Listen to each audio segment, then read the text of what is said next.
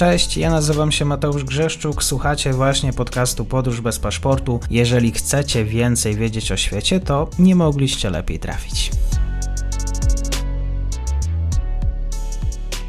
Partnerem odcinka jest Oanda, TMS Brokers, dom maklerski obecny na rynku już od ponad 20 lat. W opisie odcinka znajdziecie link do aplikacji, w której możecie otworzyć konto maklerskie i grać na giełdzie, a wcześniej potrenować na koncie demonstracyjnym. Jeżeli otworzycie konto za pośrednictwem tego linku, dostaniecie na start książkę o tematyce inwestycyjnej. Zapraszam, Mateusz. Dzień dobry Państwu, dzień dobry wszystkim słuchaczom. Dzisiaj rozmawiamy o Indiach. Ze mną jest dr Aleksandra Jaskulska, Wydział Nauk Politycznych i Studiów Międzynarodowych Uniwersytetu Warszawskiego. Dzień dobry. Dzień dobry, witam. Mieliśmy rozmawiać o indyjskim stanie Manipur. Powrócimy do głównego wątku, jakim jest też no, swego rodzaju, powiedzmy, spory z władzą centralną. Dzisiaj rozpoczniemy od wątku najbardziej aktualnego, bo powiedzmy Indie w szoku, o tak można powiedzieć. Premier Narendra Modi, który właściwie milczał przez ostatni czas, wreszcie zabrał e, głos. Chodzi o nagranie, które pojawiło się w sieci, nagranie e, wideo nagich kobiet pędzonych e, na gwałt zbiorowy. Przeraża mnie to, to co czytam z agencji międzynarodowych. Gwałt zbiorowy, co to w ogóle znaczy? To może tak krótko o samym wideo. To wideo pojawiło się mm, w sieci z dwumiesięcznym opóźnieniem. Chodzi, że te wydarzenia, które można zobaczyć na wideo, wydarzyły się właśnie początkiem maja. To nawet będzie więcej już niż dwa miesiące, tak? Po tym, jak 3 maja wybuchł w ogóle e, konflikt e, w samym Manipurze, albo konflikt to już tam był od ładnych kilku dekad, może nabrał na sile. E, I chodzi tutaj faktycznie o to, że mamy dwie główne grupy, które właśnie e, obecnie w Manipurze ze sobą walczą. Czyli mamy Metei i Kuki, dwie grupy etniczne, i doszło do takiej sytuacji, że właśnie dwie kobiety były prowadzone nago e, przez wioskę, potem były prowadzone ulicą w pola uprawne. E, gdzie też te kobiety zostały zgwałcone. Jedna kobieta, był to gwałt zbiorowy, nie wiadomo ilu mężczyzn brało udział w gwałcie, zapewne kilkanastu, tak e, dochodzą nas takie informacje. Druga także została zgwałcona. Ojciec i brat jednej z kobiet zostali zabici, e, kiedy próbowali dochodzić sprawiedliwości, tak jak to jest przedstawione, taka, taka retoryka, prawda, w mediach indyjskich. Także sytuacja bardzo mocno się zaogniła i faktycznie premier Indii Narendra Modi pierwszy raz zajął głos, znaczy zajął stanowisko, tak powiedział cokolwiek o tym, co się dzieje w Manipurze, właśnie po tym, jak to wideo zostało upublicznione. Wracając, co to jest za stan? Kto go zamieszkuje? Jaka jest struktura etniczna? Co powinniśmy e, wiedzieć? Tak, to jest bardzo, bardzo, bardzo ważne pytanie i należy tutaj właśnie troszkę szerzej e, zarysować, o co chodzi w Manipurze, tak? gdzie ten Manipur w ogóle się znajduje. Bo myślę, że większość słuchaczy, jak kojarzy Indię, to myślimy raczej o centralnych Indiach, może południowych, tam Kerala, dobre miejsce na wakacje, bo są kanały, piękna zieleń, na północy z kolei zabytki kultury e, muzułmańskiej, jak Taj Mahal i inne. Ale Indie to także taki obszar ponad 200 tysięcy kilometrów, to około 260 tysięcy kilometrów, który nazywa się Siedem Sióstr. Są to stany położone na północnym wschodzie Indii, że pozwolę sobie tak na kolokwializm, one są tak za Bangladeszem. Mhm. Czyli mamy bardzo wąziutki przesmyk, e, nazwany korytarz Siliguri, albo taka bardzo e, potoczna nazwa to jest szyja kurczaka, e, ponieważ tam w najwęższym miejscu to jest tylko 20 km szerokości i potem właśnie rozpościera się ten obszar około 260 tysięcy kilometrów, gdzie mamy 7 stanów. Dlaczego 7 sióstr? Te stany, pomimo tego, że bardzo się różnią, różnią, jeżeli chodzi o strukturę etniczną, to jednak łączy ich to, że właśnie tam żyje bardzo dużo plemion. A grupy etniczne, grupy językowe i wyznawane religie w bardzo dużej mierze różnią się od, jak to czasami mówią mieszkańcy Siedmiu Sióstr, od tych Indii no za szyją kurczaka, że tak powiem, tak? Niektórzy to mówią, e, z kolei Indusi powiedzieliby, że Indie właściwe i właśnie siedem sióstr, także są bardzo duże różnice właśnie etniczne, religijne, językowe. A sam Manipur jest stanem stosunkowo niewielkim, tak? Oczywiście, jeżeli chodzi tutaj o skalę Indii, e, bo to powierzchnia Manipuru to niewiele ponad 22 tysiące kilometrów kwadratowych, ludność około 3,3 miliona osób, Pamiętajmy, że ludność Indii to 1,4 miliarda, tak? Że to jest naprawdę kropla w morzu Manipur. Jeżeli chodzi właśnie kto zamieszkuje Manipur, to ponad połowa z tego około 3,3-3,4 miliona to ludność Meitei. Także oni ponad połowę, a 40% pozostałe przypada na plemię Kuki i Naga. Czyli można powiedzieć, że mamy takie trzy najważniejsze grupy etniczne dominujące Meitei. Tu warto dodać, że Meitei wyznają hinduizm, a to plemię Kuki, e, z którym właśnie teraz toczy się konflikt, to chrześcijanie.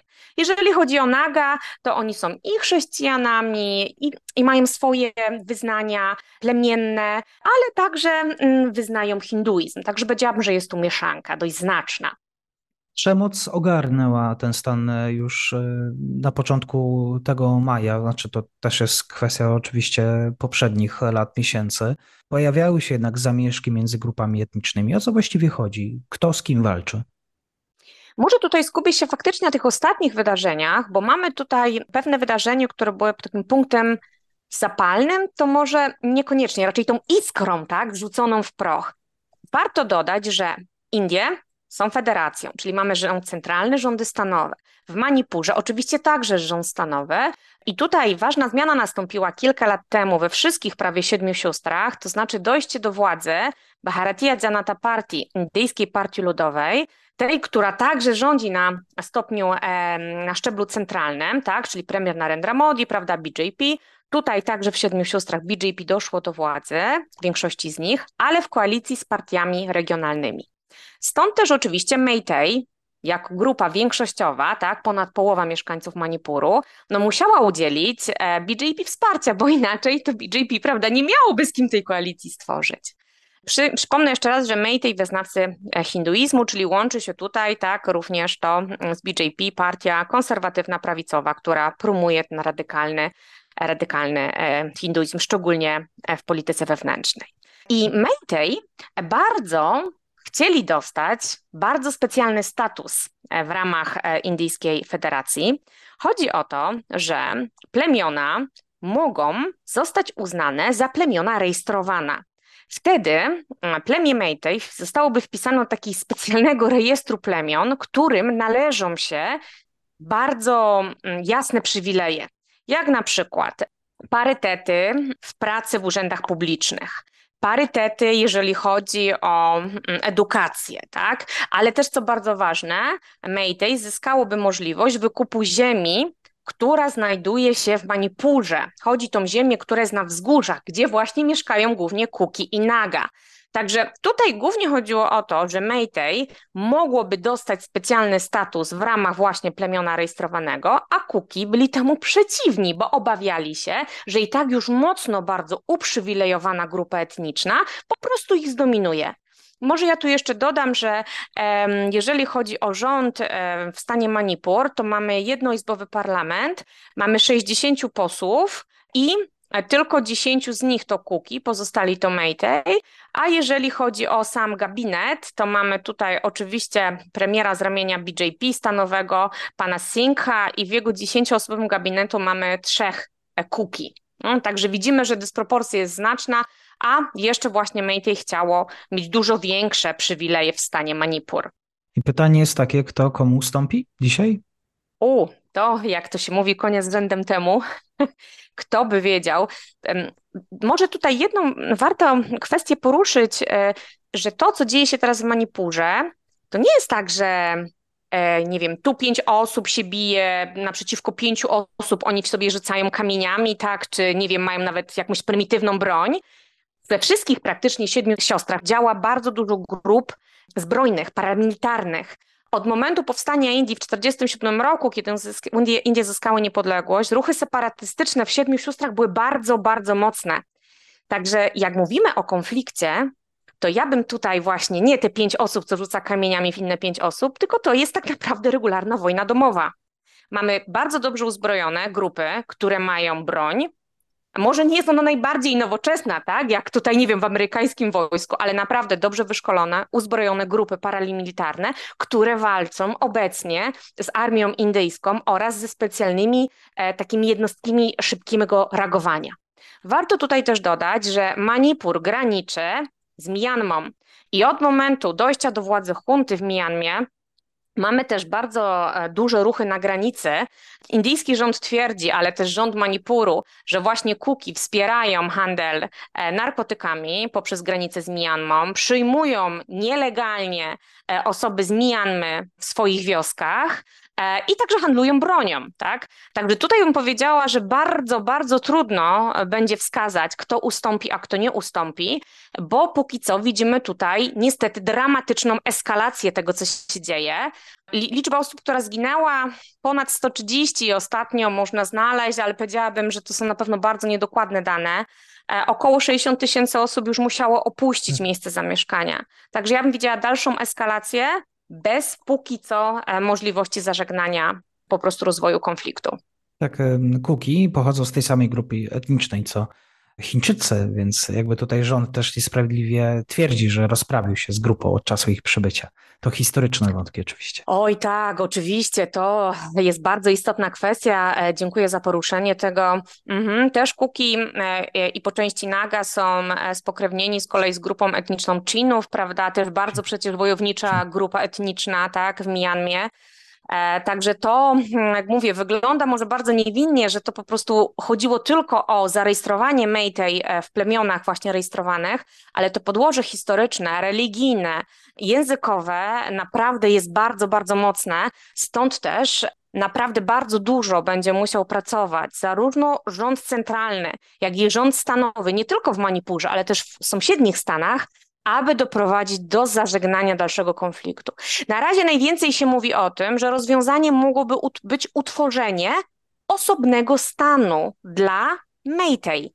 Może dodam, że to jest nic nowego, bo mamy te takie tendencje do tworzenia nowych stanów się w Indiach, tak? Powstałaby chociaż Telangana, wydzielona z Andhra Pradesh, e, mamy też stan Assam, to może bardziej nawet łatwiej skojarzyć stan Assam, prawda? On należy do siedmiu sióstr, ale pewnie nam się kojarzy z herbatą. Także Assam, największy tam e, stan e, spośród siedmiu sióstr, tam e, jest grupa etniczna Bodo, która walczy o utworzenie Bodolandu. Także może tu po prostu by powstał Meiteiland, tak? Czy jakkolwiek inna nazwa dla tego stanu. Także to na razie się wskazuje no, zapewne rozwiązanie tego dramatu, który już trwa e, od naprawdę długiego czasu w Manipurze. Premier Modi nie boi się strzelać do właśnie lokalsów? To jest pytanie, co premier Modi może zyskać, może stracić. I tu niestety siedmiu, siedem sióstr jest w niekorzystnej sytuacji, bo znowu Indie Federacja, czyli liczy się to, które e, stan ile ma ludności, bo tyle ma miejsc w parlamencie centralnym i tyle może nominować e, z kolei jeszcze członków e, no, wyższej izby tego parlamentu, tak? bo do niższej są e, wybory bezpośrednie. I patrząc na siedem sióstr, to jest bardzo mało, bo oni mają wspólnie tylko 10 mandatów. A na przykład stan Uttar Pradesh na północy Indii ma ich 80. Manipur ma tylko jeden mandat. Także on im politycznie nie jest niezbędny bo to nie jest taki stan, który trzeba wygrać, aby rządzić w kraju albo kontrolować wyższą izbę parlamentu indyjskiego na poziomie centralnym. Także czy będą strzały? Ojej, no to będą, tak? Czy będzie krytyka międzynarodowa? Wszystko się może zdarzyć. Tu może dodam, że tak nie, niedawno, bo to początkiem lipca była rezolucja Unii Europejskiej, która właśnie bardzo jasno krytykuje rząd e, centralny, ale także i rząd stanowy Indii, Manipur oczywiście tutaj, że nie podjęła wystarczających akcji. Co na to rząd centralny i rząd w Manipurze? Przecież to jest retoryka postkolonialna. Wy nas obrażacie, jak możecie tak mówić. My robimy wszystko, co się da. Także podejrzewam, że mm, retoryka Modiego, e, jak i rządu stanowego w Manipurze będzie taka, e, jak po bardzo głośnej aferze e, z filmem E, BBC, tak, dokumentarnym o Modim. To była ta sama retoryka, że biały zachodni świat mówi nam, co robimy źle, co robimy dobrze. My robimy wszystko dla dobra naszych obywateli. Także myślę, że tu strzały będą i będzie ich więcej. Będzie znowu um, łamanie praw obywatela, może i łamanie w sumie tak naprawdę praw człowieka, tak? Będzie. E, będzie znowu zamknięcie internetu? Pewnie będzie, aby te wiadomości nie wydostawały się poza Manipur. Dodam tylko, że rząd Indii, e, szczególnie ten obecny od 2014 roku, ma bardzo dobrą praktykę, bo wypróbował ją wielokrotnie w, stanu, w stanie, przepraszam, a teraz już terytorium związkowym od jakiegoś czasu, Jammu i Kaszmir, gdzie od momentu zmiany statusu Jammu i Kaszmir właśnie na terytorium związkowe panuje tam permanentny stan wyjątkowy. I to już jest, prawda, przecież mamy tu już niedługo czwarty rok będzie, e, także da się, prawda? I myślę, że Manipur, taka maleńka kropelka w morzu, nie zrobi zbyt dużego znaczenia. A też ciekawe, co mówił premier Modi, tak? On mówił, że to, co się stało, obraża całe Indie, że Indie zawsze będą walczyć o godność naszych córek z Manipuru. No, ciekawe słowa, tak? Dobrze dość mhm. przyjęte przez społeczność międzynarodową, ale czy poszły za tym jakiekolwiek działania? Mhm. Jedyne, co mhm. widzimy, to, że jest więcej sił porządkowych i wojska indyjskiego w stanie Manipur.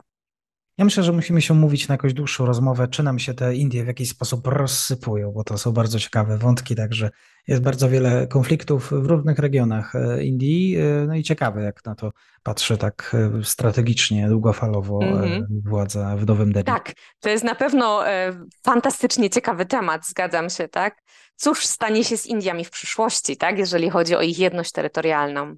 to już zapowiadam jakąś debatę, dyskusję z ekspertami zorganizujemy. Bardzo dziękuję doktor Aleksandra Jaskulska. Kłaniam się. Dziękuję bardzo.